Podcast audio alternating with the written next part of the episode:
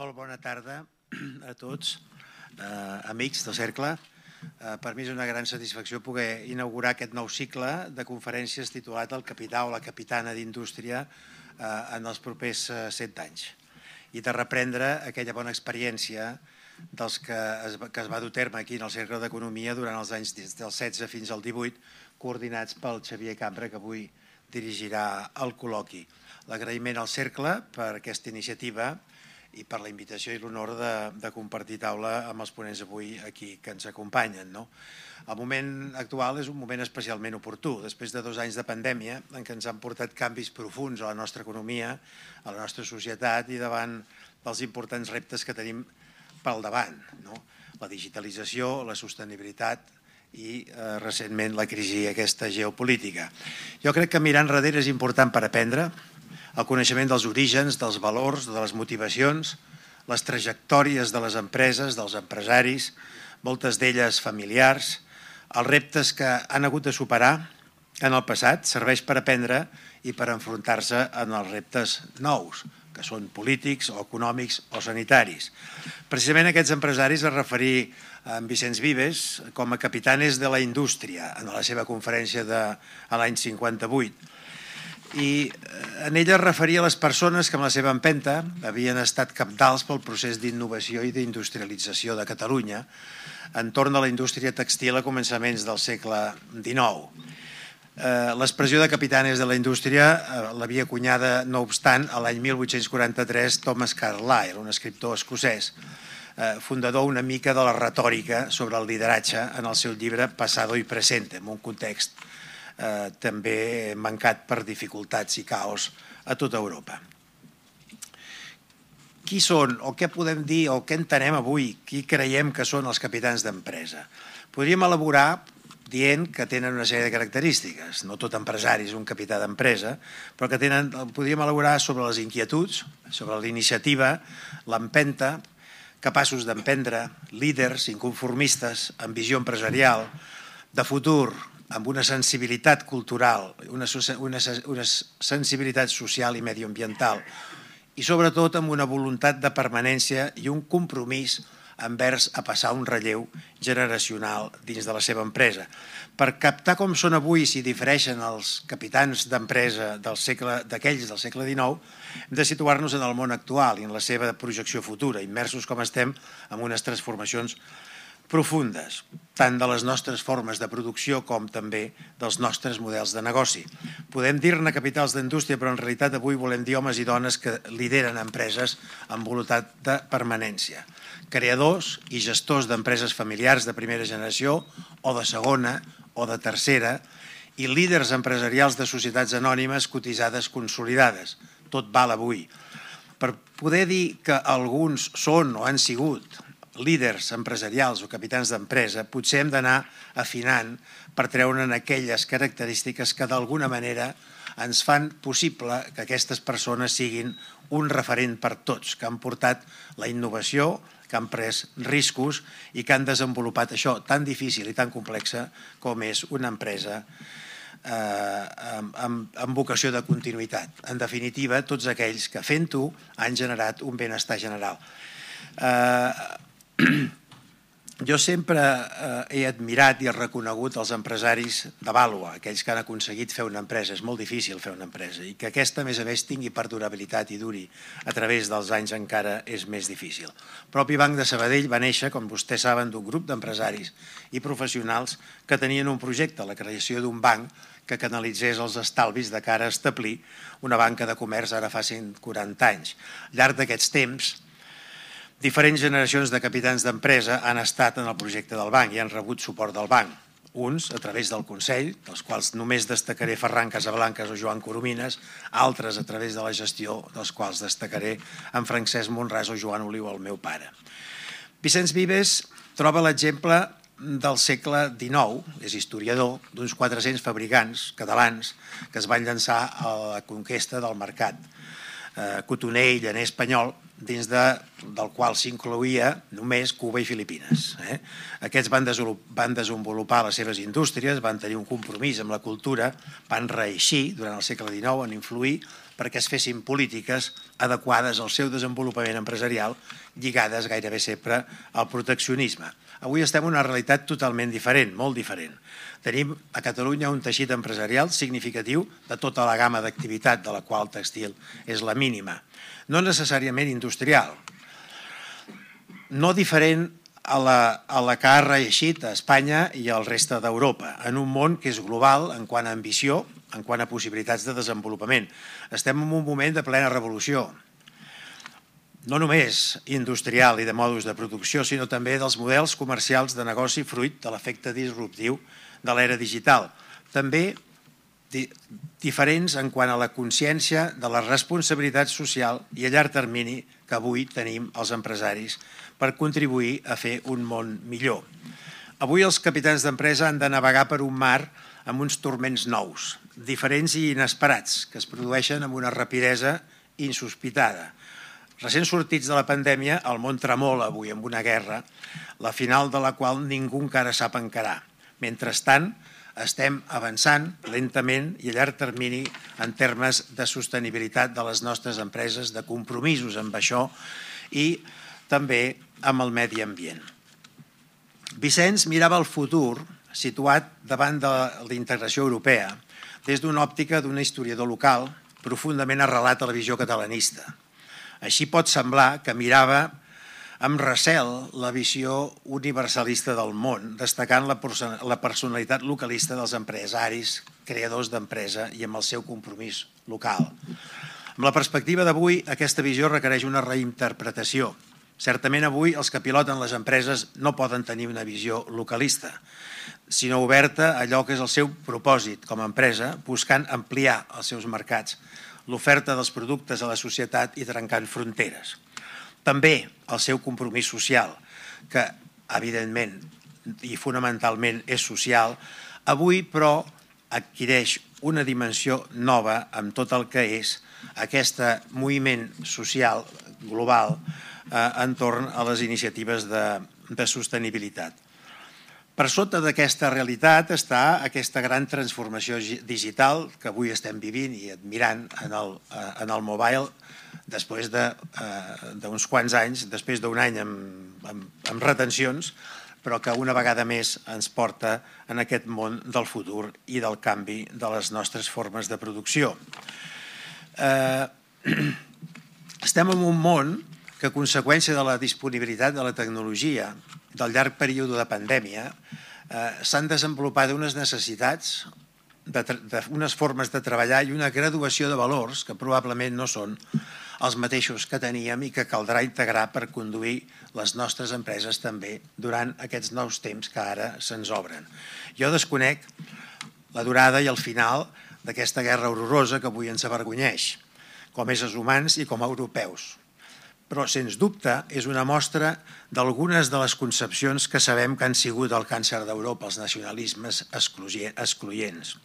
Clarament, el que els he de dir avui als capitans d'empresa és que han de mirar i mirar primer de fora cap endins, és a dir, aprendre de fora, després també d'endins cap en fora què puc jo fer de cara en fora, fer de la seva realitat empresarial global la base del seu futur i el seu impacte social local com a part de la seva actuació. Avui aquella visió de capitans d'indústria, amb una concepció política proteccionista de mitjans del segle XIX, com aquells que es refereix Vicenç en la seva conferència, Gaspar de Remis, els Güell, Girona, Arnús, amb el seu, així com el seu esperit burgès i de classe no té cap sentit en la societat actual ni a l'empresariat actual. La realitat de la globalització i del món dels sistemes d'informació fa que les concepcions universalistes i de cooperació siguin avui aquelles que dominen la realitat dels reptes estratègics que tenim a les empreses, no pas les de la separació. El que s'hi resta de mirar cap endins i que ens tenim com a cosa local i com a cosa pròpia és l'orgull d'aquells que aconsegueixen tirar endavant amb èxit models de negoci. Dels descendents d'aquells que encara són capaços de desenvolupar més les seves empreses i fer-les progressar. És un orgull per ells, per les seves famílies, però també per tota la societat catalana, si són empreses nostres, o de la societat espanyola, si són empreses espanyoles.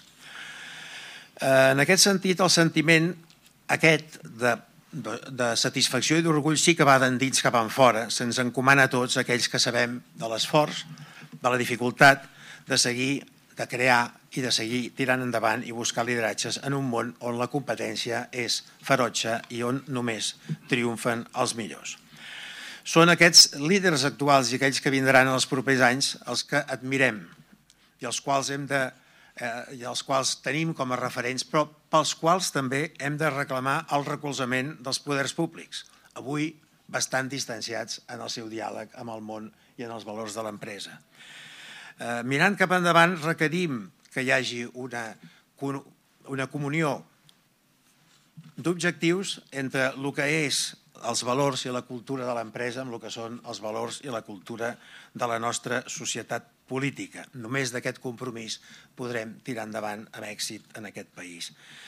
Eh, jo crec que, que els, aquests valors de l'empresa, no pas del seu rebuig, es anirà aconseguint el benestar social i realment del compromís dels nostres empresaris, no només amb la nostra realitat local, sinó també amb tot aquest moviment global que és el moviment cap a la sostenibilitat mediambiental i social, és d'allà on ha de néixer aquesta comunió d'objectius entre els poders públics i les nostres empreses.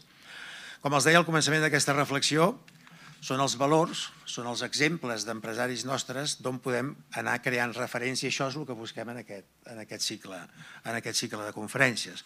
Aquestes persones que admirem perquè han creat, perquè s'han esforçat i han donat la seva energia per millorar la vida dels nostres ciutadans.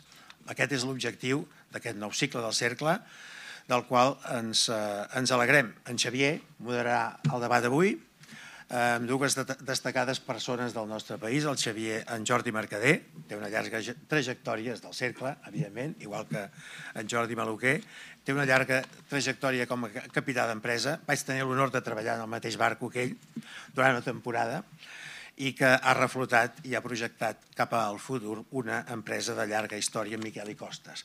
També l'altre, l'historiador Jordi Maluquer, descendent intel·lectual directe de Jaume Vicenç Vives a través d'en Jordi Nadal, al qual jo vaig tenir l'honor de ser al seu tribunal de càtedra una autoritat en tot el que és la història econòmica i industrial del nostre país. Amb aquest diàleg sobre el passat i, de, i el seu eh, entroncament entre empresaris i entorn, comencem avui aquest cicle de debat sobre com volem que siguin els eh, empresaris i els líders de l'empresa del segle XXI. Moltes gràcies.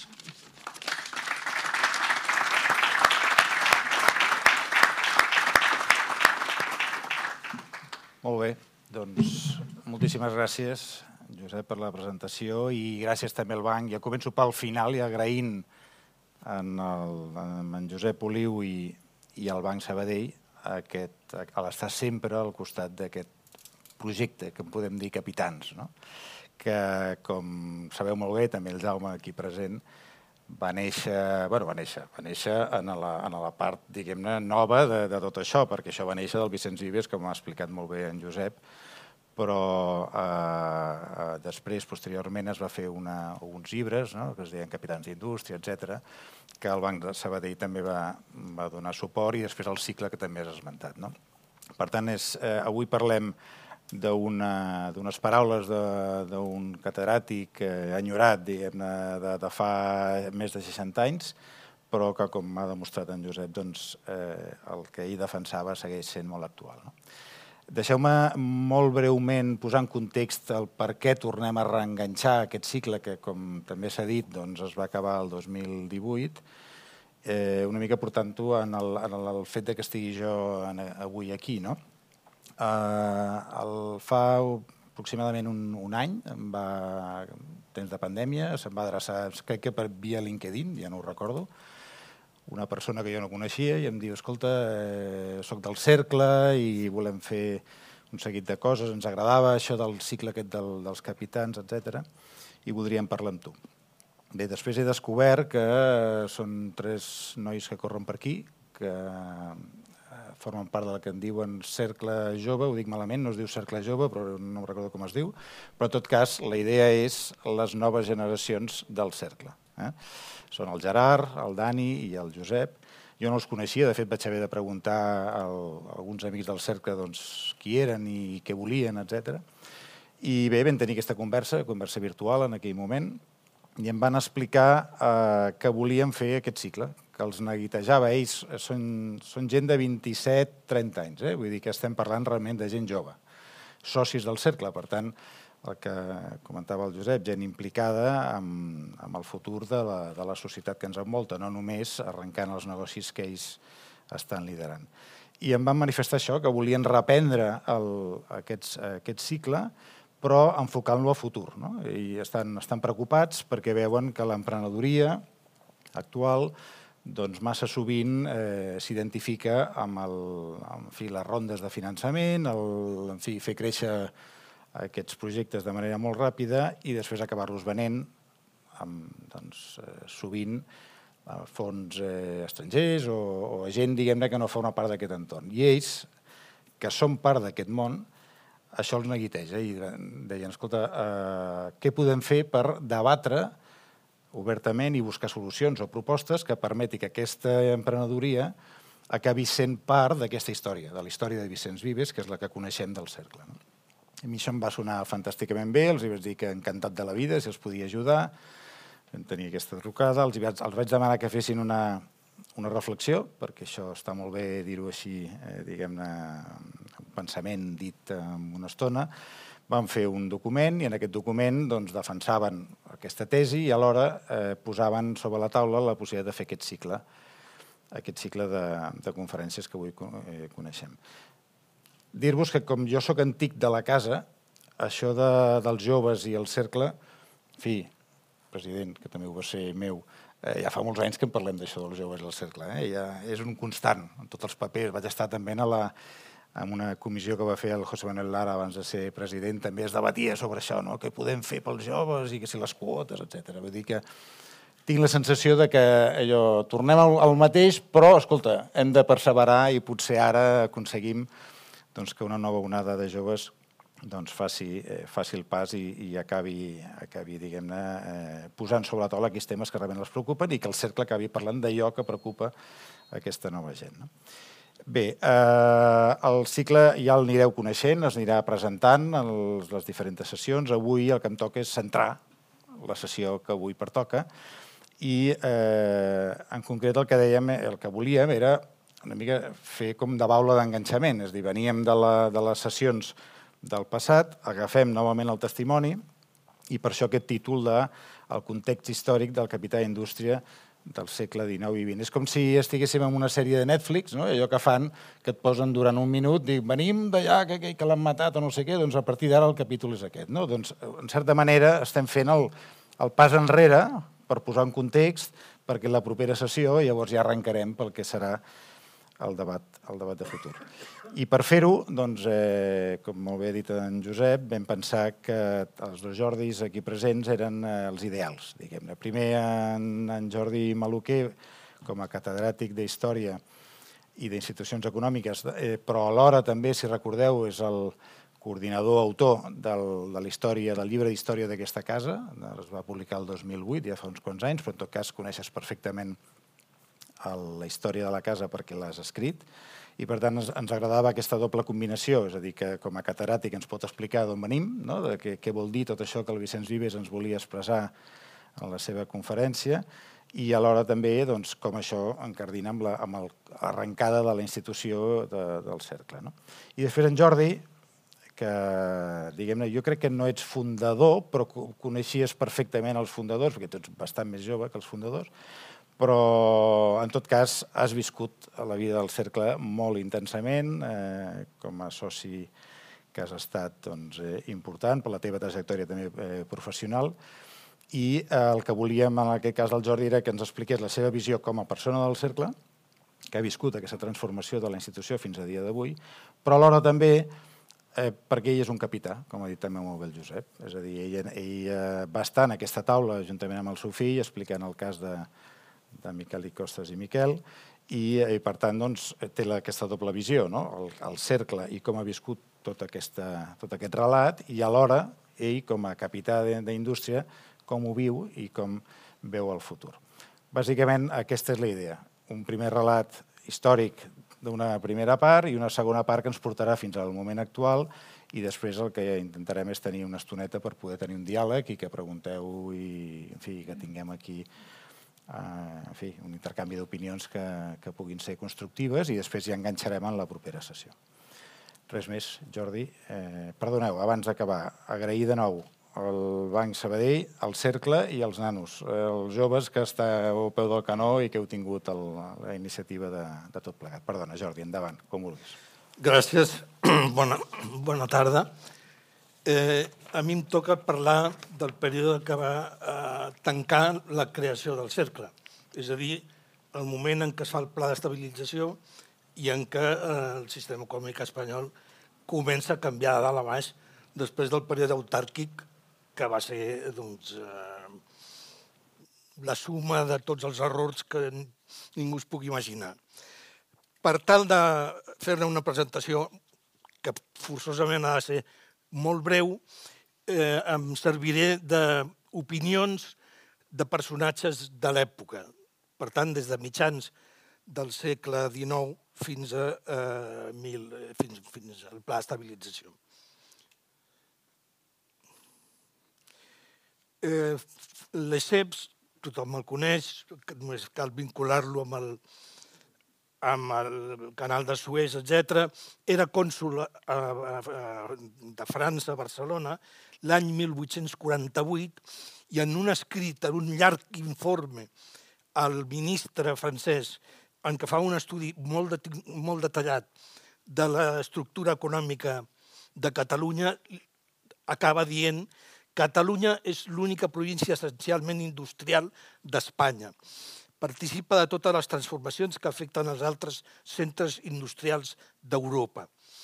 1848 el situa a nivell europeu com un cas dels destacats del continent europeu que és, sens dubte, en aquell moment la punta de llança de la modernització i de la transformació industrial del món eh, Pierre Vilar, tampoc no cal parlar d'ell perquè és prou conegut, eh, a casa nostra, l'any 1970, escriu que Barcelona, al 1850, és a dir, de nou, eh, a mitjans del segle XIX, molt lluny en el temps, per tant, és, a l'escala d'Europa del seu temps, una gran ciutat industrial.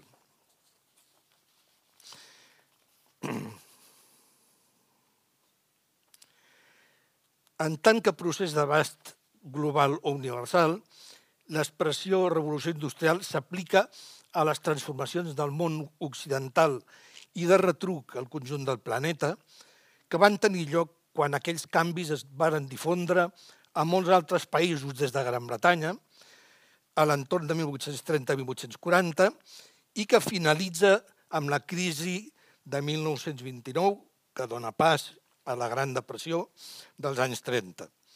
Eh, fent un rànquing dels països i de les zones del món que van incorporar-se a aquest procés de transformació del món occidental, a través de la indústria, Catalunya compartiria amb França la quarta posició mm, i amb Alemanya, amb una transformació que es produeix entre 1830 i 1860 1870 aproximadament. Solament per darrere de Gran Bretanya, evidentment, el líder del procés, però els dos segons líders, els dos seguidors principals seguidors, que van ser Suïssa i Bèlgica. Al final del període coincideix a Catalunya amb la Segona República, la guerra, eh, la, la, la guerra civil i també la postguerra, que és un període de eh, tancament econòmic, d'autarquia i de manca de creixement eh, molt greu. Eh? Cap a 1950 i bastants, el nivell de l'economia catalana respecte a Europa era molt inferior al de 20, 25, 30, 40 anys enrere. Bé, què és això de la revolució industrial? En què consisteix? És simplement el resultat del progrés tecnològic. La invenció de noves, noves tecnologies, de nous procediments, de noves tècniques. La qüestió central no és ben bé, però, la invenció, una idea nova. Si la invenció, el, el nou model, el guardem al calaix d'una taula, no, no afecta per res al sistema econòmic.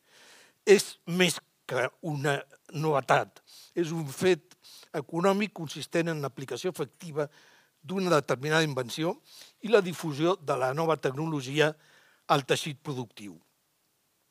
Quan Caldor afirma que el canvi tecnològic és el Déu agitens, el Déu motivador del progrés, n'amplia el significat per incloure no només la producció de tecnologia nova, sinó també la utilització de la tecnologia, el que podríem dir consum tecnològic, i encara la idea d'una tecnologia de la vida, que en realitat no és altra cosa que la cultura de la creació i de la competència. Aquesta és la nova societat que neix a Catalunya a l'entorn de 1840, eh, 60, 70, i que havia nascut prèviament a Gran Bretanya i a Suïssa i a Bèlgica. Eh, el fet, el punt de partida del take-off, de l'arrencada, de la sortida de l'avió, de la industrialització eh, catalana, es pot situar, s'acostuma a situar el 1833, eh, amb la creació de la fàbrica Bonaplata, Rull, Vilarregut i companyia, que va introduir la mecanització del tèxtil a gran escala, a molt gran escala. Era una de les quatre o cinc fàbriques més grans d'Europa. També altres fàbriques no tan importants, com eh, la de Nicolau Tous, Joan Vilarregut, Narcís Galí a Terrassa, etc. Simptomàtic i al mateix temps eh, paradoxal és que aquest, aquesta gran catedral de la indústria catalana va ser destruïda el 1835 per un moviment popular. Aparentment, aquesta història de, de Catalunya, la història econòmica de Catalunya, està plena d'episodis molt positius i de reaccions molt negatives.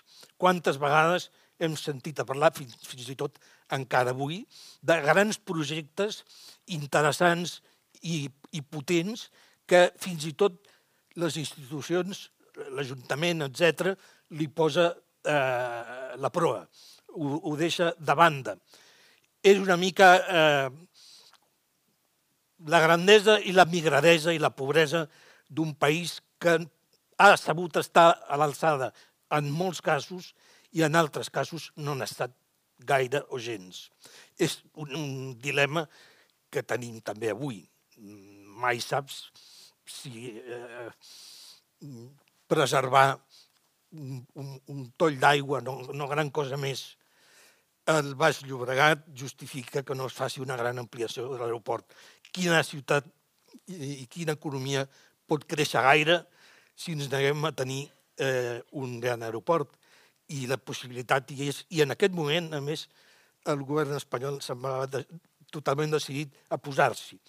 Però, gran paradoxa, surten els apòstols de la protecció de les granotes i dels mosquits com si no es poguessin posar altres llocs.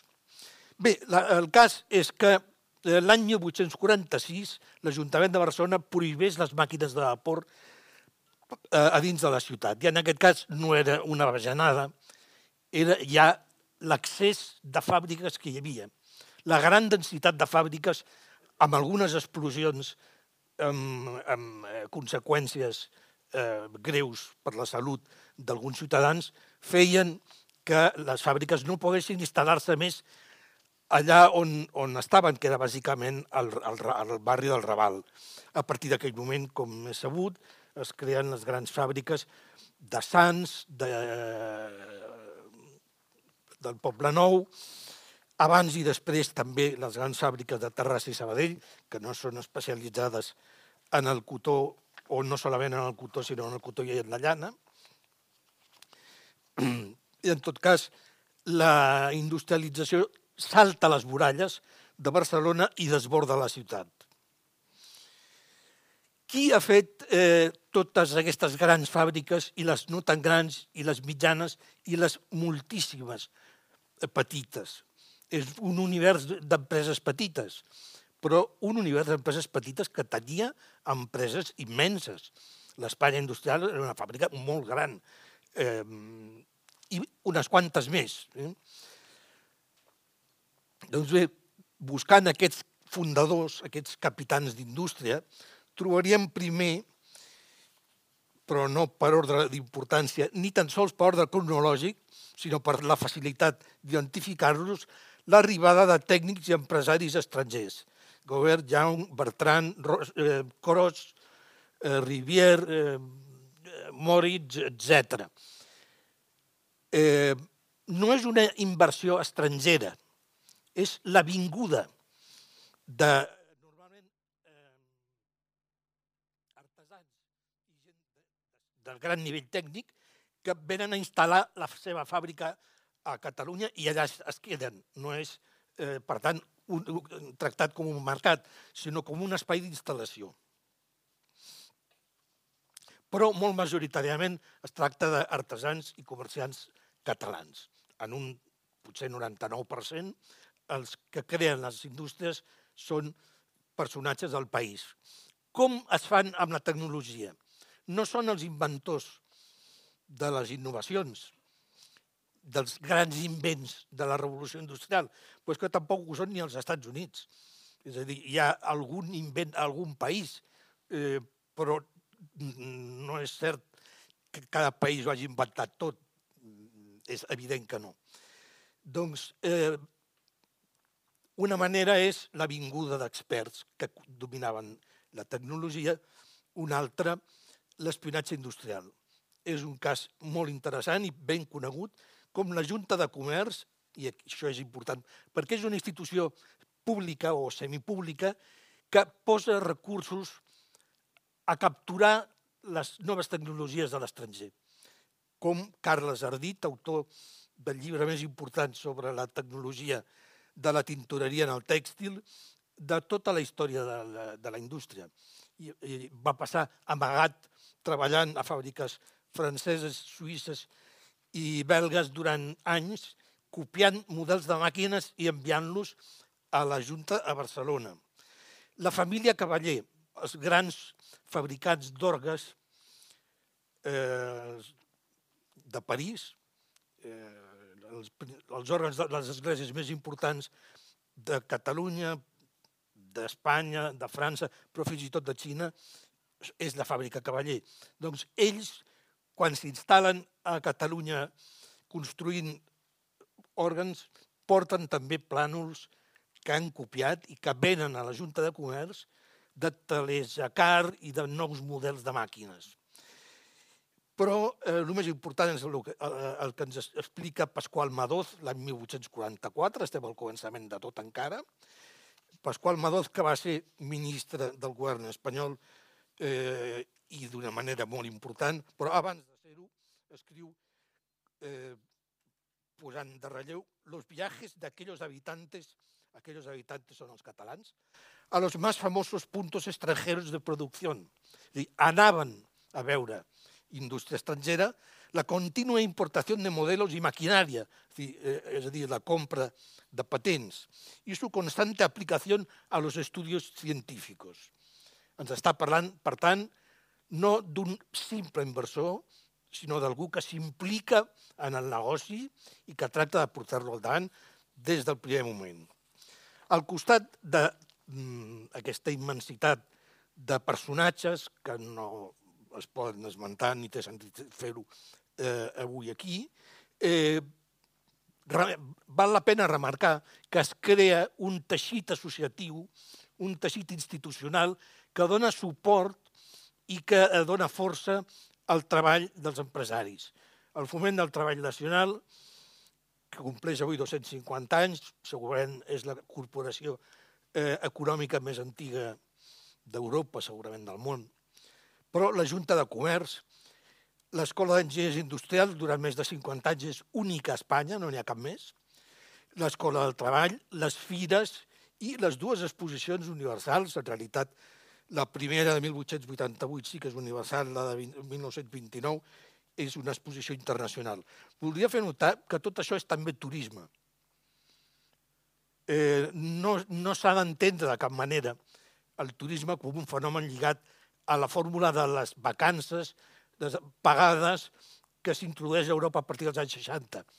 El turisme és tot el que significa desplaçament del punt de residència a un altre, per qüestió de negocis, per qüestions inclús de religió, el turisme d'anar a Palestina o d'anar a viatge a Roma, o el turisme eh, que feien les parelles abans d'anar a París per tenir la criatura quan es casaven. Tot el que sigui moviment eh, és turisme. Doncs Catalunya ha estat sempre, no és un fet d'ara, ha estat sempre un eh, espai molt turístic. No pas de turisme de, vac de vacances, que comença als anys 50, però sí de molts moviments i particularment lligats a, les fires i les exposicions industrials que les corporacions promovien per eh, auxiliar i empenya el moviment de creixement. Una clau important de tot això, de per què l'economia catalana s'avança pel camí de la industrialització, es pot veure en aquesta gràfica. Correspon a l'any 1797, el cens de població d'aquell any classifica a les persones per ofici i el que ens mostra és que Catalunya és la regió on el nombre de persones ocupades en relació al total de la població és més elevat i, per tant, ja abans de la revolució industrial, l'avançament pel camí del creixement de la indústria ja s'ha donat. És segurament per aquest motiu que el Jordi Nadal eh, escriu l'autèntica riquesa de la industrialització catalana és els homes. Això ho escriu en el seu capítol sobre la població de la història de Catalunya, dirigida per Philip Wolf i eh, el seu nebot Joaquim Nadal, l'any 1988. Però en realitat l'autèntica riquesa en el procés de la revolució industrial de Catalunya són les dones, perquè els homes ja treballaven també a la resta de, de regions. La gran diferència és que la proporció de dones que treballaven fora de la llar a la indústria tèxtil era elevadíssima.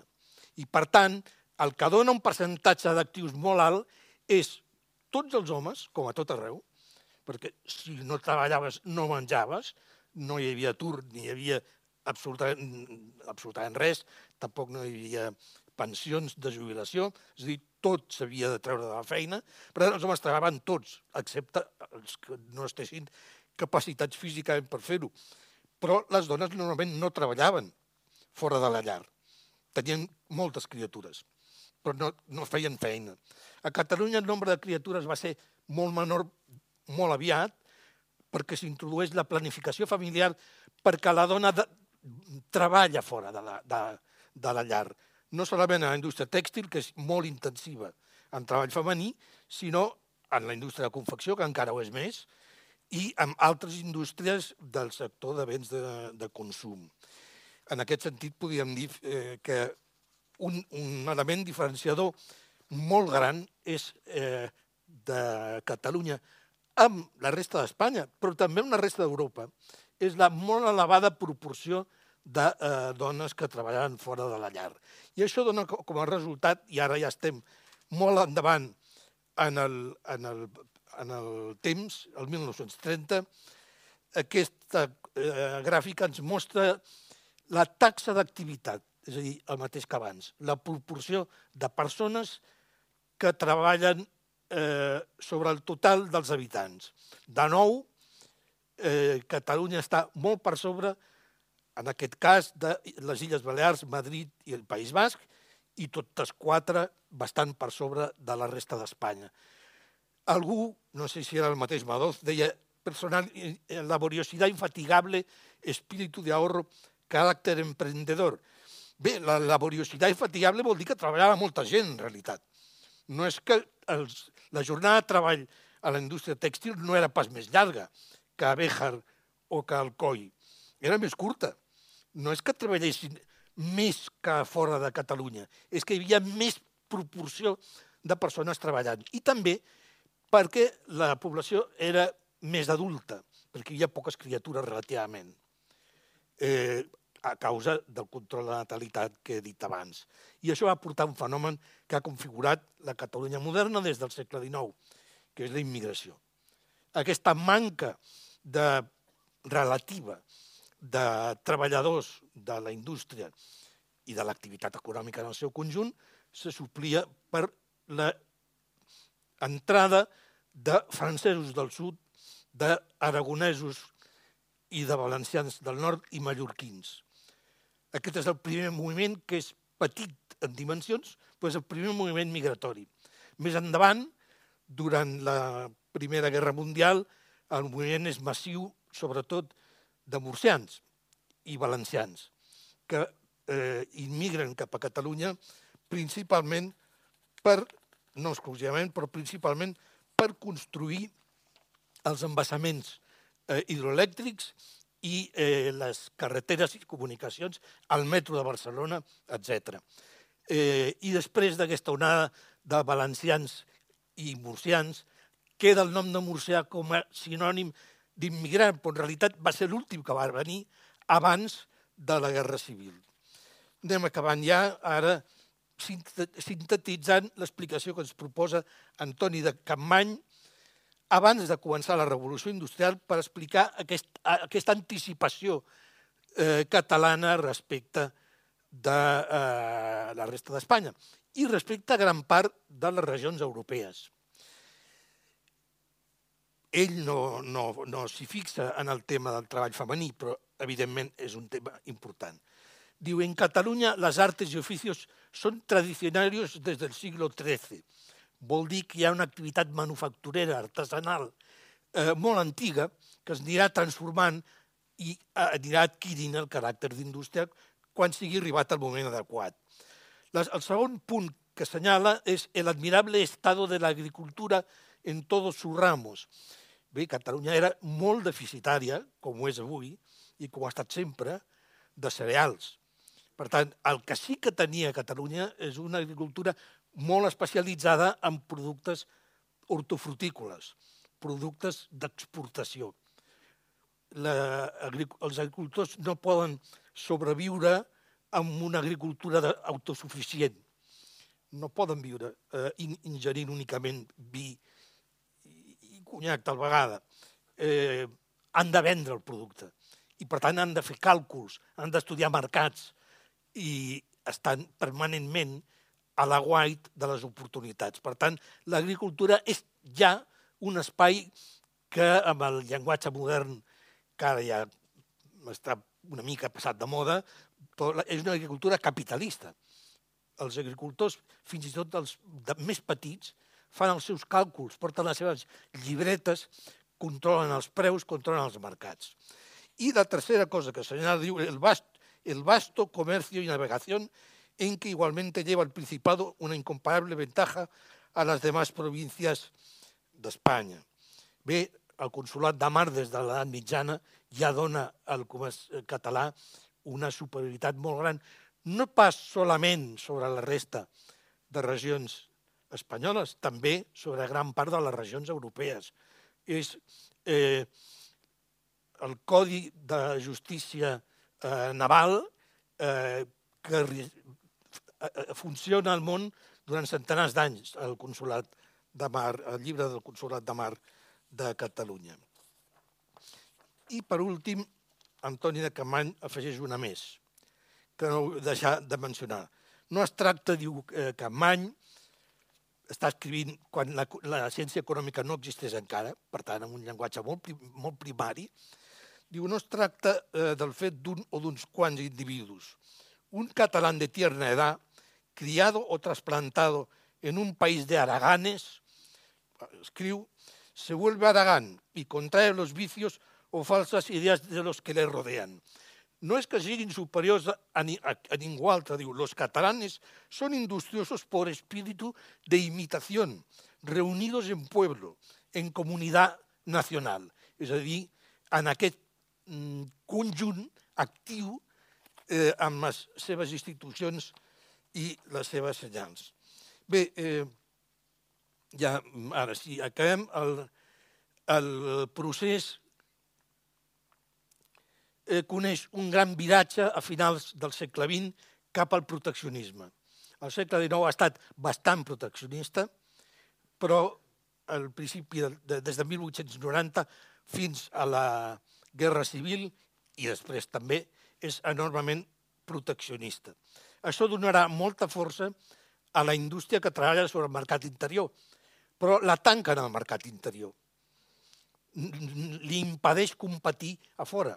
Els salaris són massa alts en termes comparatius. I no és que visquessin millor els treballadors eh, a Catalunya que a fora, és que el nivell de, el nivell de vida era més eh, alt, el cost de la vida era més alt per la carestia d'aliments bàsics. Eh, L'altre problema és l'aïllament respecte d'Europa. Es va construir un ferrocarril d'ample diferent a la, la resta d'Europa, de, excepte Portugal i Rússia. O, o comptaven que els trens podrien saltar pel damunt d'Europa per enllaçar amb Rússia, o el que volien és que no entressin trens de fora a la península. El fet és que això encara no ha canviat als Estats Units va canviar l'amplada de, de, de la via, que també era diferent de l'amplada internacional, en un dia. Eh, aquí, eh, fins i tot des de l'entrada a la Unió Europea, seguim amb l'ample diferent. Eh, crec que això no és per eh, celebrar-ho.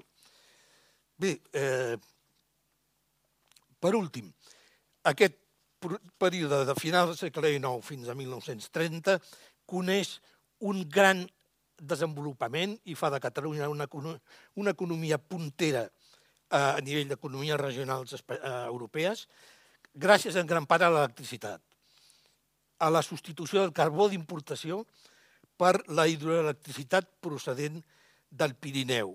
Es desenvolupen altres indústries com la telefonia, eh, Telefònica va néixer a Catalunya i va viure eh, molt temps abans de ser-ne com a tal eh, aquí, eh, l'automòbil, la hispano-suïssa, la química, l'electrometal·lúrgia, etc etc. Però l'any 1910 i més endavant veuríem aproximadament el mateix, eh, la indústria catalana és, en el tèxtil, enorme, desproporcionadament gran, molt més gran que aquests altres països que, que, que, que poso al gràfic, Suïssa, Bèlgica, Holanda, Suècia, Portugal, Finlàndia, Dinamarca, Grècia, Noruega, tots tenen una indústria tèxtil molt més petita que Catalunya, però Catalunya no té apenes altres indústries que les que he esmentat abans amb una, dues, tres empreses, només. No surt a l'exterior. Per això algú va dir, quan es va acabar el règim anterior, després de la mort del dictador, ara patireu, ara sabreu és no comptar amb la protecció arancelària que us presta Espanya. Haureu de vendre allà on pugueu. Doncs bé, des de 1986 eh, l'exportació catalana ha crescut més que mai i és en aquests moments pràcticament la segona, tercera regió exportadora d'Europa. I no fa més que créixer. Mm, l'explicació és vària, és diversa i falta que el procés se sostingui. Però les xifres són espectaculars. Fins a, a data d'avui, molt poques regions d'Europa es poden comparar amb, amb Catalunya. Eh, Llombardia, a França, a Itàlia, sí que és més potent, la regió de París, a França, sí que és més potent, però en el continent, llevat d'algunes regions alemanyes, no n'hi ha cap altra de les 350 que formen la Unió Europea, si no estic equivocat en aquest moment, que no arriben a vegades més que una proporció petita de l'exportació catalana. En aquest sentit, i no sé si això eh, servirà per plantejar-nos temes de cara al post-1960, eh, obrir-se a l'exterior, anar a cercar tecnologia, exportar productes a tot arreu, ha estat clau en els últims 25 anys i penso que és essencial que ho segueixi sent. Gràcies.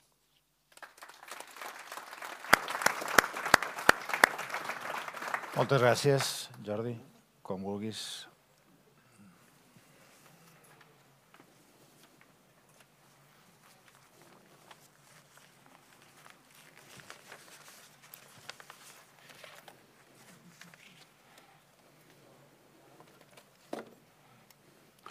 Molt bé, bona tarda a tots. Eh? Eh, tinc que reiterar les gràcies al Xavier Cambra, al Cercle d'Economia eh? i al Josep Oliu, que ens han convidat a tots eh, amb aquest acte. Eh, no, no us vull cansar, eh? donades les gràcies, eh, la, la meva intervenció eh, té lloc en un moment especialment convuls. Eh? No, quan preparava aquesta conferència no pensava que estaríem en guerra, per dir-ho d'una manera taxativa. Eh? En qualsevol cas, superarem aquesta situació, la superarem amb costos. Eh? Però llavors, i potser ara ja, haurem de reiniciar la reflexió que ens proposen avui, que el cercle planteja avui, per tirar endavant. I així, sense més preàmbul, començaré la meva intervenció. Tinc que començar parlant del Jaume Vicenç, amic personal i conegut per altres eh, raons familiars.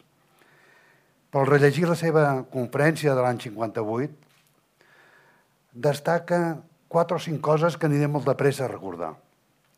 La primera és el sentit de la conferència, que és quines són les qualitats que han afavorit a Catalunya amb el seu creixement a la llarg de la història. I ell diu, la primera cosa és la capacitat de produir béns que des d'una perspectiva global miren el nacionalisme cap a fora. Eh, és una frase una mica rebuscada, però que val la pena reflexionar-la. Per altra banda, diu, eh, hem de tenir clar que és essencial la col·laboració entre la política i l'economia. Eh, quan això no ho fem bé, no anem endavant. Té un últim element que a mi em crida especialment l'atenció amb el seu discurs. I diu, hem de reconèixer la tècnica com un element diferent que produirà un impacte social que hem de ser capaços d'assimilar-lo amb la seva implantació. Això l'any 58 és un element una mica particular, com a anticipació de lo que ha sigut la tècnica en el futur. Però al final de la seva intervenció, que és el que crec que aquí ens interessa, diu, bueno, tots aquests eh, aspectes són els que ens inviten, deia llavors el 58, en uns moments, també el 58, que anticipo com a extraordinaris, a actuar i a volar alt. I això és el que li deia a la gent del cercle o a la gent que després va fer el cercle. I sobre, aquests, sobre aquestes bases es va fundamentar el Cercle d'Economia. Bueno, amb aquests antecedents, jo he organitzat la meva intervenció en dos parts. Per una, gràcies. A la primera procuraré transmetre'ls eh, la, la meva experiència eh, personal i la meva trajectòria amb el sentit, bàsicament, que sigui més fàcil la segona part de la meva intervenció, que va més eh, dedicada a pensar una mica en el futur. Mirin, jo vaig començar a treballar l'any 68 Eh? Això era el tardofranquisme, eh, un període de, eh, de, de desenvolupisme eh, realment important, eh? però que al mateix temps eh, jo sortia d'una d'aquestes coses específicament barcelonines i catalanes. Eh? Sortia de fer el màster a l'IES. Fer el màster en administració d'empreses a l'any 68, de fet a l'any 65 quan vaig començar, era una entelèquia. No, no sabia la gent què volia dir això. Eh? I era un curs d'administració d'empreses, a més a més, amb una connotació internacional derivada de la relació que tenia l'IES amb la Universitat de Harvard. Però, per altra banda, al mateix temps el Banc Mundial considerava que a Catalunya i a Espanya com un país en vies de desenvolupament. Aquí va enviar una missió de la a l'IFC, la International Finance Corporation, que és el braç armat del Banc Mundial, que és el que financiava projectes eh, amb aquells països que estaven en via de desenvolupament. Bueno, vaig tenir l'oportunitat de connectar amb ells. Eh? Vam tenir una primera relació i vam fer un projecte, un projecte que al final es va concretar amb una fàbrica que encara funciona a la província de Terol, fent un producte modern eh, que en aquell moment es desconeixia, que és un tablero de densitat mitja eh, que va canviar en gran part la indústria del moble. Més tard, vaig tenir una relació intensa a través del Cercle d'Economia. El Joan Mascantí, que es veig aquí, em va convidar a formar part de la Junta, de la seva Junta. Li he agraït moltes vegades i aquest, avui li vull tornar a agrair. El cercle em va ampliar la mirada. Eh? Va obrir de, de lo que és barceloní a lo que era Espanya i lo que era Madrid. Va anticipar, anticipàvem en aquells anys, eh, el 73, 74, el que tenia que venir, una democràcia encara llunyana. Eh? El Pere Duran va reconèixer la importància dels sindicats al cercle. Vam començar a anticipar què és el que volien dir els partits polítics. I vam demanar què és el que tenia que ser l'autonomia de Catalunya. El CERC en aquell moment va prendre una decisió absolutament, per mi, avui espectacular. Va apostar per Europa. I d'Europa en va fer una rebel·lió, perquè d'alguna manera la nostra aposta vinculava el cercle a la voluntat democràtica. A partir d'aquell moment vam començar a viure un altre període espectacular, especialment intens, la transició política, feta des de les juntes del cercle, les comissions executives. Eh? Tot això ple de deures i amb pocs drets. Va venir la democràcia. Llavors el cercle ens va ensenyar, a mi em va ensenyar, a descobrir la política. A Catalunya, el Pere Duran, el Jordi Pujol, el Narcís Serra, l'Ernest Lluc, el Guti, el Carles Ferrer, el Carles Güell, el propi Joan Mascantí, l'Eusebi, eh? Díaz Morera, que estava amb mi a la Junta, o el Rafael Sunyol. Per altra banda, els contactes del cercle amb el reste d'Espanya tenien un significat i una, una valoració extrema eh, en un context tan difícil com el d'aquells moments. El rei, el president Suárez, l'Enrique Fuentes, el Paco Fernández Ordóñez, l'Isidoro, el Felipe González, que va venir a sopar amb nosaltres, eh, recent descoberta la seva, eh, forma, eh, eh, la seva posició política. Eh? O el Gutiérrez Mellado. I de lluny, eh, el cardenal Tarancón. Aquest era el món amb el qual eh, ens movia un país en un moment especialment interessant. Al mateix temps, la participació de Catalunya feia un punt de governabilitat sense la qual això no hagués sigut possible. I vam aconseguir la democràcia. Amb la democràcia va venir la modernització econòmica. Vam viure amb l'Enrique Fuentes el que tenien que ser els pactes de la Moncloa. Amb una emoció extraordinària al veure com signava el Santiago Carrillo aquells pactes. El Paco Fernández Ordóñez va venir al cercle explicant-nos la reforma fiscal. Jo ho recordo especialment bé. Eh, ens va explicar com tenia que ser l'impost sobre la renta i bueno, va fer un esquerzo lateral dient bueno, i a més a més faré un impost sobre el patrimoni transitori, només durarà un any. Eh? bueno, ja, ja, veus, ja heu vist com, quin any ha sigut aquest. Eh?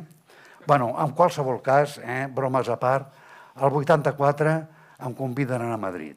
Eh? De, fe, de fet, el que m'enreda més és el Josep Oliu, eh? i el que em convida és el Narcís Serra. Vaig a la Bazán, eh? una empresa eh, d'estillers eh, militars que feia barcos de guerra i que tenia un encàrrec especialíssim que era fer un portaavions, nada menys. I allà vaig viure la reconversió industrial. Eh?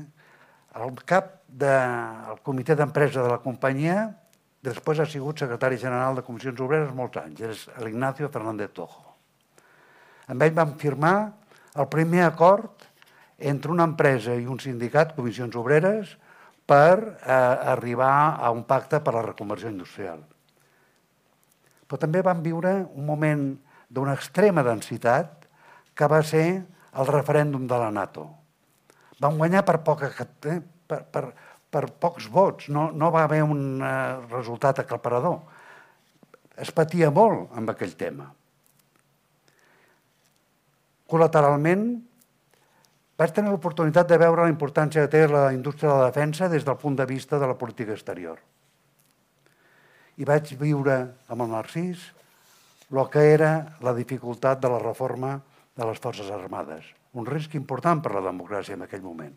I de cop, un gran èxit. El 86 firmem l'entrada al Mercat Comú. Jo recordo aquells dies com uns dies d'una profunda satisfacció.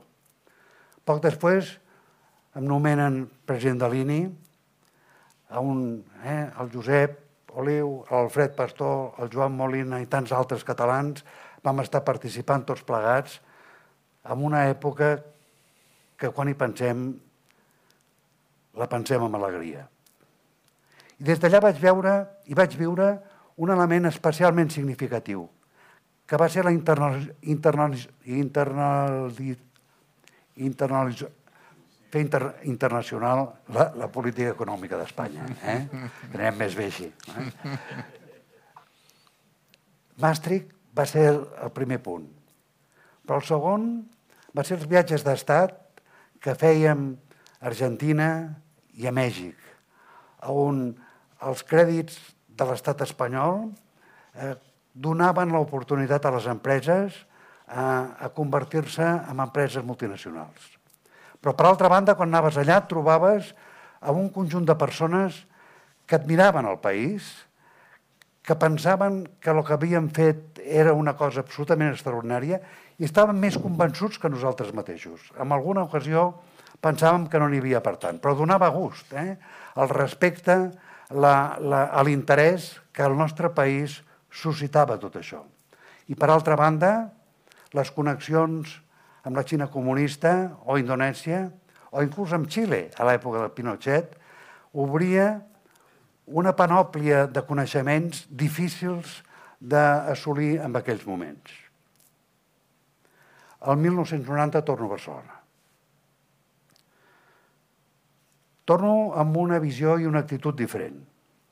L'administració havia perdut ingressos i confort, però havia incorporat un nivell de coneixement i experiències que guiarien bona part de la meva trajectòria posterior. Altra vegada aquí Vicenç, d'alguna manera, anticipava aquesta visió eh, global com un element central per la trajectòria de les persones i les empreses. Professionalment, 32 anys més tard, els hi puc assegurar que aquells anys i aquelles experiències han constituït la base de la meva trajectòria professional. Però aquí acabo. Eh? És moment ja de parlar del futur i no tant de contextualitzar d'on ve aquest futur que els explicaré. Però començaré de totes maneres amb una autocrítica. Eh? Jo crec que la meva generació eh, vam tenir l'enorme sort de fer tot això molt joves, però vam ser un tap.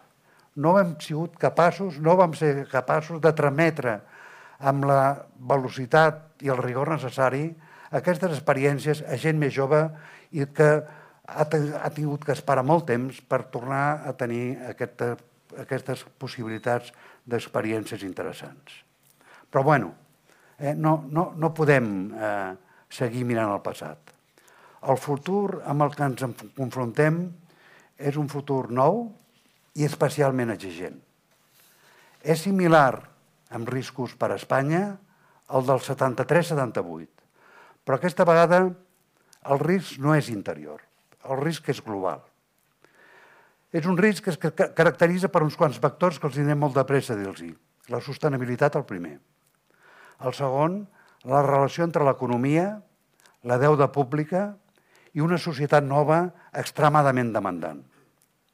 Per altra banda, la globalitat de la informació fa que l'accés al coneixement sigui molt positiu, però la immediatesa amb obtenir-lo fa que la immediatesa de la reacció obligui a anticipar molt aquest coneixement d'immediatesa per procurar evitar els riscos que comporta aquestes reaccions immediates. I un últim caràcter eh, d'aquests vectors que marquen per mi aquest futur. L'exigència de transparència, governança i rendiment de comptes a tots els nivells. Però tot això ho tenim amb el marc d'oportunitats, avantatges i reptes. Avantatges, escolteu són moltes. Començaré subratllant que la capacitat d'adquirir coneixement i la, la facilitat en maximitzar-lo és un actiu tan important i amb tanta intensitat com no hem tingut mai. Si em permeten, com deia Buda i, i Sòcrates, deien la ignorància és la causa de tots els mals. A la inversa, el coneixement obre la via del canvi, l'acció apropiada i la llibertat. Per altra banda, vivim en una societat democràtica i enquadrada a la Unió Europea. I som una societat rica, que es permet una gran amplitud de serveis socials. I tenim una societat raonablement formada. Al mateix temps, si ens enganxem una mica més al terreny, hem de pensar que, malgrat tot, hem de continuar fabricant, hem de continuar produint productes, productes nous i fets d'una altra manera. Si a cas, al col·loqui els faré alguna explicació respecte a la nostra experiència a la companyia de Miquel.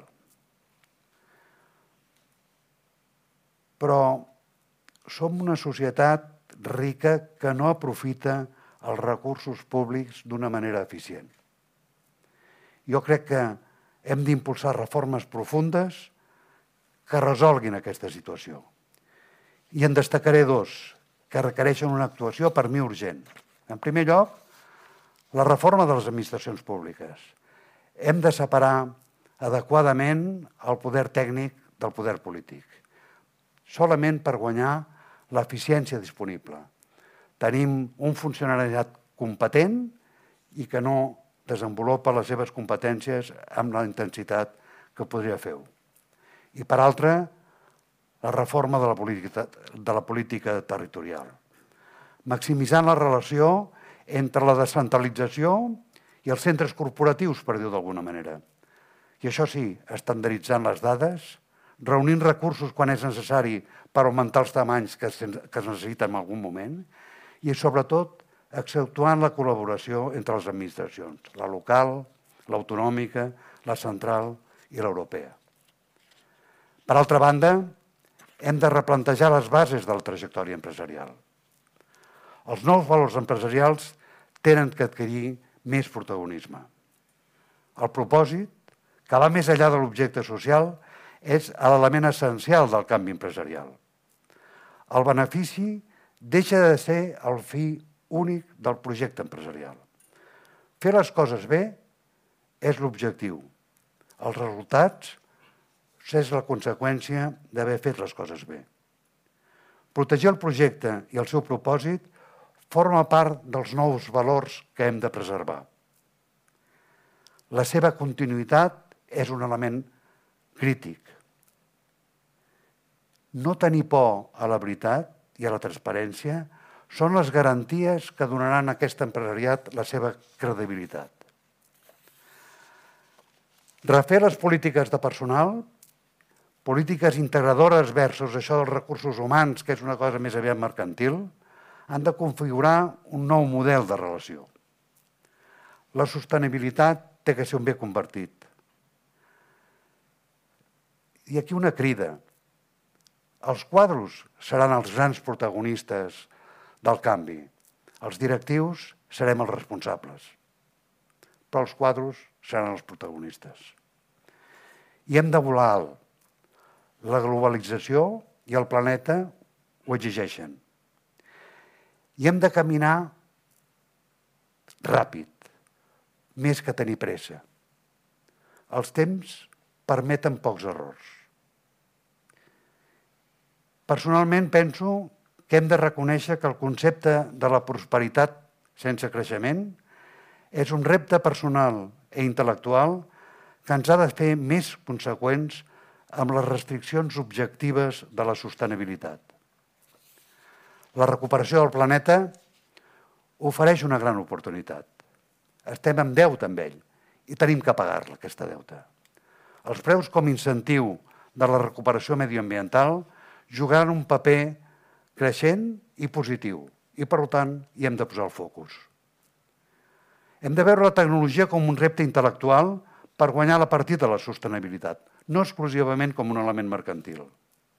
Per exemple, una tassa sobre plàstics pot facilitar i accelerar la, la, la resolució d'alguns dels casos específics que ens preocupen.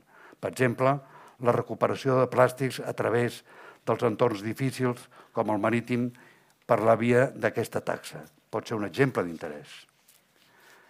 Hem d'assumir una nova reconversió industrial.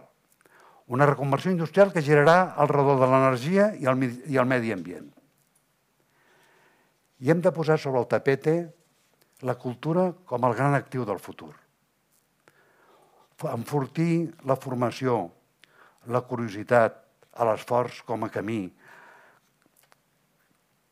cap a l'ocupació seran requeriments creixents en una societat rica en temps disponible i cada vegada més rica en aquest temps.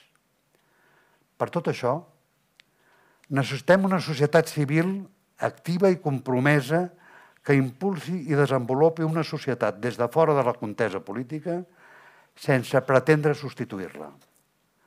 El cercle ha jugat històricament aquest paper, constituint-se en camp transparent d'anàlisis i tribuna, i tribuna pública d'opinió. Necessitem, doncs, més cercle i més cercles. Acabo. Cent anys són masses anys per vaticinar. Eh? Amb 10 farem més coses que amb els últims 50. Els hi faré un ràpid repàs eh? a partir de la, eh, la part de, del meu company.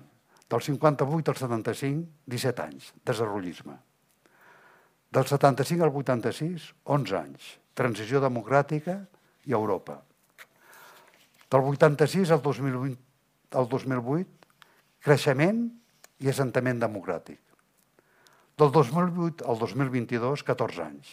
Crisis de valors, debat públic, liberalisme radical, emigració, globalització, tercer món, crisi sanitària, equilibri entre drets i deures. Estem ara enfocats amb el 2023 al 2038, de 10 a 15 anys. Complir amb les exigències del món que ens ve a sobre és un gran repte. Ho hem de fer des de la democràcia, la llibertat, el coneixement, la innovació, però amb la urgència de que demanen els temps. Jo em vejo a les noves generacions perquè podran barallar-se i lluitar per fer aquesta generosa revolució en busca d'una societat millor. Aquest pot ser, com va ser el passat, el seu projecte i el seu alant vital. Moltes gràcies.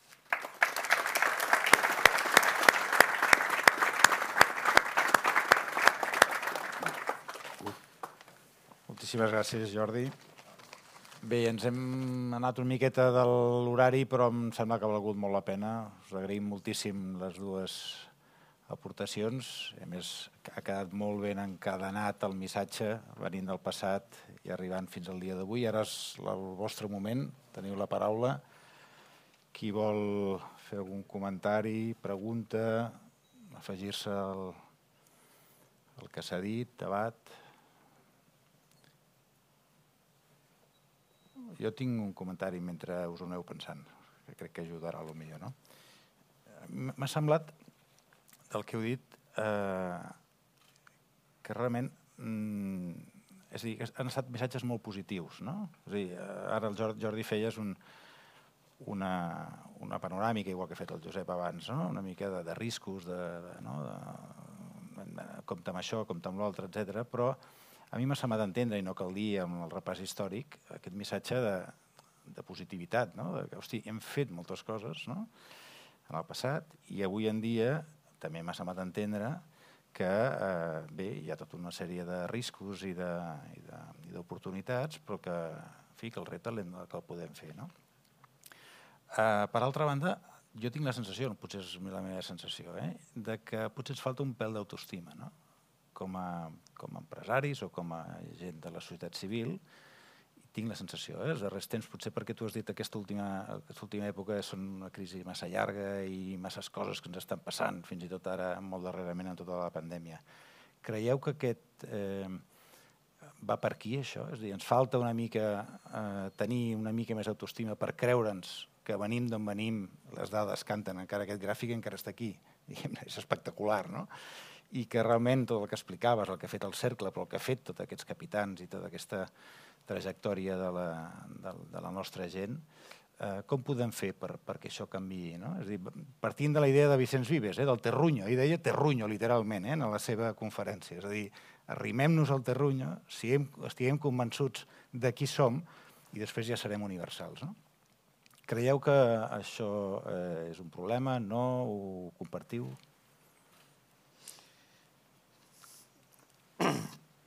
Jo volia citar, el que passa és que l'exposició havia de ser necessàriament eh, limitada en el temps, una cita de Richard Cobden, eh, economista anglès, que l'Ernest Lluc va rescatar. Ell va viatjar a Catalunya i va dir l'èxit de, dels catalans és que actuen col·lectivament. Eh, col·laboren en tots els projectes que són d'interès comú. Jo crec que aquesta és, un, és, una, és una peça que ha estat molt important eh, fins a la Guerra Civil. Després de la guerra no ho sé perquè jo eh, en fi, no, no tenia capacitat de judici, però ara, en els, en els darrers lustres eh, i en els darrers anys, eh, la sensació de que el país està perdent nervi i està perdent cohesió i està perdent capacitat d'encarar els problemes amb voluntat de resoldre'ls. És una paradoxa. Jo tinc família eh, xinesa eh, per, per part d'un de, de, dels meus fills. No poden entendre de cap manera l'esperit contra el turisme que hi havia abans de la pandèmia a Catalunya. Eh, els escrits de molts economistes i, i sobretot publicistes eh, catalans contra el turisme com si fos una maledicció, és una cosa increïble. Totes les grans ciutats del món volen aeroports grans, volen turisme i, lluiten per tenir-lo. Aquí resulta que eh, som tan macos que en, en podem prescindir. Mm, aquest, aquest trencament de la societat sobre els consensos bàsics, poso el cas del turisme perquè per mi és bastant proper, eh, jo crec que és molt preocupant. I es donen moltes coses.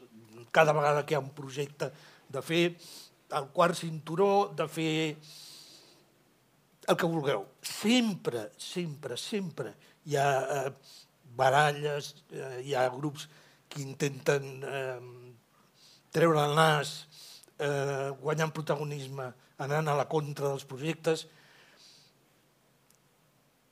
No sabria dir què ha passat, però dels 60 cap aquí s'ha perdut, jo crec, bastant eh, el que... En fi, i sempre hi ha hagut conflictes, però conflictes socials amb lògiques concretes, per una vaga per salaris o el que sigui. Ara tot és conflictiu. Eh, tirar endavant projectes és dificilíssim. Ens queixem de que l'Estat inverteix poc, però quan proposa una inversió se li tira al damunt tothom jo crec que el futur no, no és fàcil. Jo no el veig fàcil. El veig molt complicat. Jordi? No, jo, jo el que, em sembla que ho deia al final de la meva intervenció. Eh? eh jo envejo la gent jove. Eh? Els, els envejo molt, perquè quan penso en el futur penso que no hi arribaré. Eh? I en canvi eh, em sobren les idees per fer coses. Eh? Eh, el que passa és que les coses requereixen temps. Eh? I és veritat eh, que en aquest moment la gent jove té una restricció, eh? i és de que no hi ha gaire temps. Eh? No hi, ha, hi ha moltes oportunitats, tenen moltes més coses sobre, les, eh, sobre la taula, però en canvi els problemes que hi han al davant obliguen a no equivocar-se gaire i a tirar ben bé pel dret, ser molt imaginatius i aplicar tot aquest ram de coneixement que hi ha. Eh? eh per, posar un exemple que està molt fora de la indústria, eh, per dir-ho d'alguna manera, però eh, el procés agrícola en aquest moment eh, tindrà una exigència tremenda a Catalunya si el canvi climàtic continua sent el que és. Eh? I, per tant, la revolució que això, això exigeix és una revolució interessantíssima perquè a, a l'hora que veus com apliques tecnologia de veritat eh, al món agrícola, s'obre un món espectacularment interessant. Què passa? Home, que això no requerirà temps, no et pots equivocar gaire per fer aquest tipus de coses. Ho ha de fer gent més jove. Eh? Eh, eh, deia abans, eh, penseu en, en coses com, eh, com us diria jo, eh? per exemple, en el cas de la Miquel, eh, tenim projectes de transformar una companyia paperera en una companyia que el que fa és que transforma la cel·lulosa. Eh? I llavors no, no, no té res a veure amb el paper. Eh? Pues farem coses per substituir els plàstics o per fer elements de conducció, eh, eh, de, de, per fer piles de, de, de, com es diu això, de telèfons mòbils, per dir-ho d'alguna manera. Però tot això requereix un esforç tecnològic, de coneixement, de matèries primes, de globalització, de relacions entre empreses, de capacitat de, de, de com diria jo, de, eh, d'intercanviar coneixements. Aquests coneixements que abans els anaven a copiar, ara els tens que intercanviar. Et passes el dia eh, fent el non-disclosure agreements en termes de, de protegir la tecnologia d'uns i els altres. Per tant, hi ha un ventall que, si hi hagués molt temps, encara seria més interessant. Però, en canvi, des d'un punt de vista, i acabo, eh, de la gent jove, aquest punt de revolució encara és més interessant. Eh?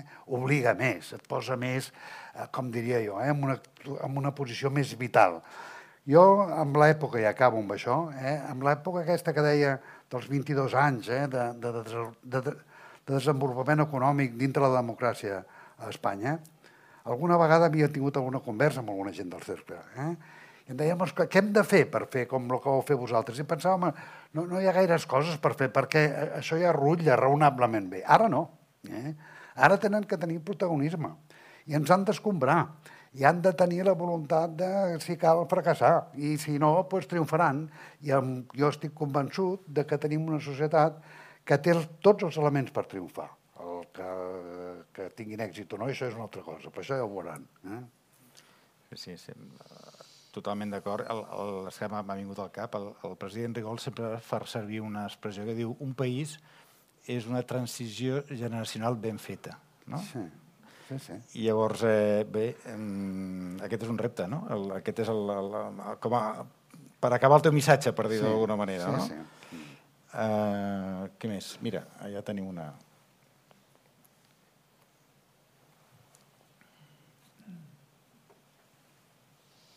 Davant.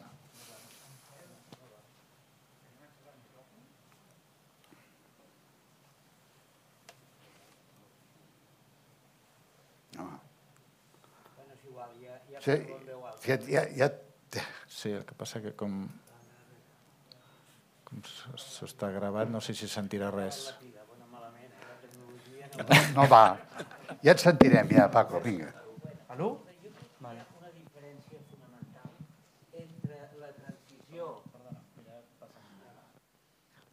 Sí, entre la transició que va protagonitzar l'economia des del pas de la dictadura, diguem-ne, a la integració europea, etc etc, a una economia oberta, a la situació actual.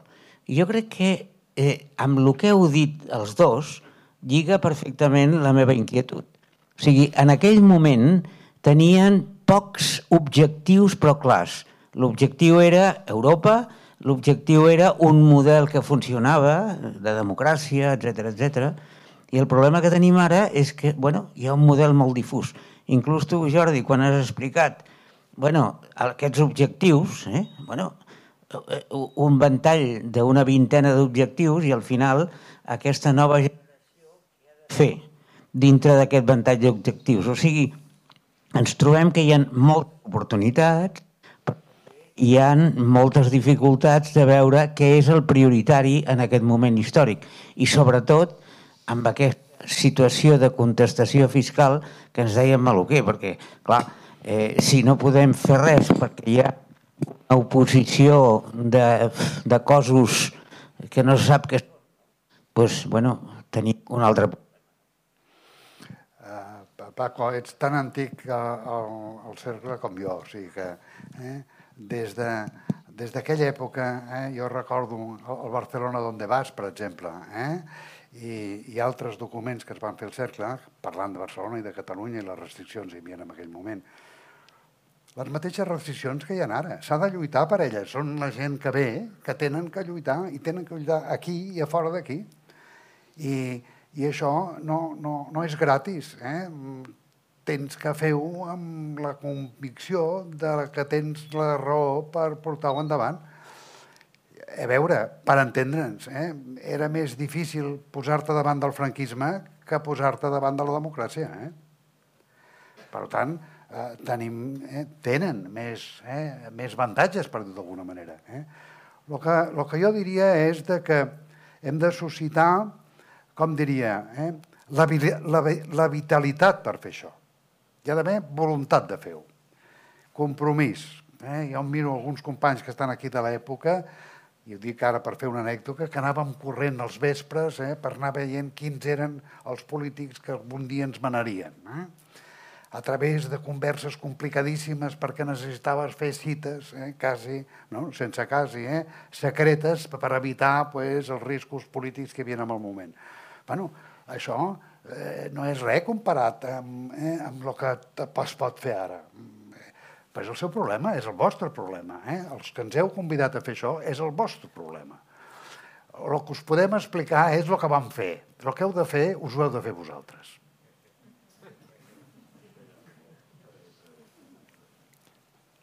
Tenim encara un parell de minuts més, oi? Em sembla, fins a les 8.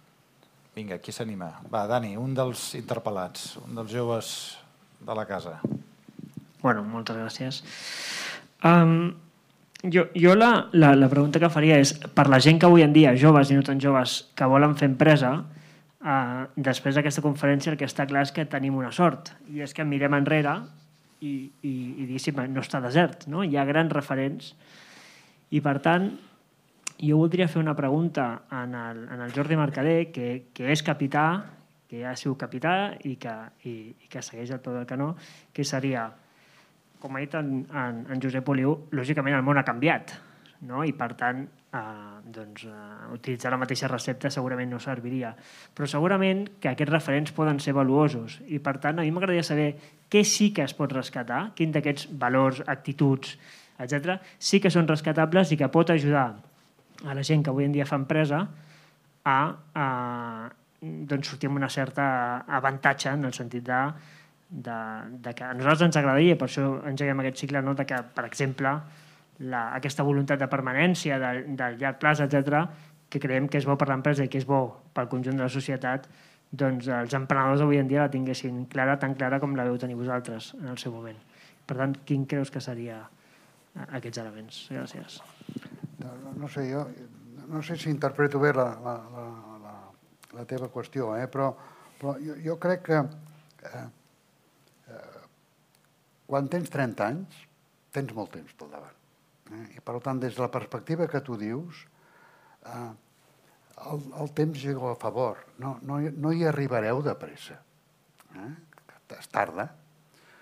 S'ha de fer esforç, eh? es exigeix continuïtat. Deixeu-m'ho dir així, eh? exigeix austeritat. Eh? I per tant, eh, la, la, la visió que a mi em resulta realment espectacular, eh? de la gent que en poc temps pues, és capaç de generar un negoci, vendre-se'l i guanyar pues, una, unes quantes desenes de milions d'euros, pues, a mi em sembla sorprenent. Eh? Bàsicament això quasi sempre és perquè són eh, eh, empreses que, que no necessiten actius. Eh? Si una empresa eh, necessita actius, el període de maduració de tot això és molt més llarg i es necessiten molt més recursos. Eh? En canvi, el, el, el, el recurs que és ambivalent és el temps que teniu. Eh? Passes uns quants anys abans de que tot això suri. Eh? I per tant, és tot el que hi ha. No sé si això és el que preguntava. Sí, Josep, Josep. vols dir alguna cosa. Volies dir alguna cosa, Josep? Micròfon aquí, si plau. Fem l'última intervenció el Jordi ha posat un repte en el, en el nou cercle. Eh? eh, jo eh, implícitament també en la meva primera introducció he posat un repte, i és a dir, eh, un repte que, que és de dir, home, el cercle d'alguna manera recull un pensament, un sentiment, uns valors, una gent que ha fet empreses. El cercle no només és això, també és un centre de diàleg amb altra gent. No? Eh, òbviament, i també ho ha dit en, en Jordi Maluquer, sense tenir una societat alineada a les empreses amb els seus poders polítics, doncs llavors eh, és difícil de tirar endavant. La primera de les coses que en el cercle de cara al futur se li hauria de demanar és no, no que facin gran cosa perquè estiguin alineats les empreses i els poders polítics, sinó com a mínim tenir uns poders polítics que no expulsin les seves empreses, que de moment, des de fa uns anys, ens han expulsat. Això com a, primer, com a primera cosa. I ens han expulsat per diverses coses. Ens han expulsat bàsicament per dues coses. Eh? Una, pel, que tots sabeu, pel procés de generació d'inestabilitat política i d'inestabilitat jurídica que va ser el propi procés de Catalunya. I la segona, l'impost sobre el, el, el, el, els impostos diferencials que en aquests moments carreguen a Catalunya i sobretot en el patrimoni i fan que qualsevol empresari que hagi triomfat no pugui seguir estant aquí. I una tercera cosa que no està a forma d'aquestes tan importants que jo començo a veure avui és que moltes empreses industrials, com la d'aquest senyor, comencen a pensar, donades les, els impediments que els hi posa les administracions d'aquí a Catalunya, en treure no només la seu social, sinó en treure també el seu factor productiu.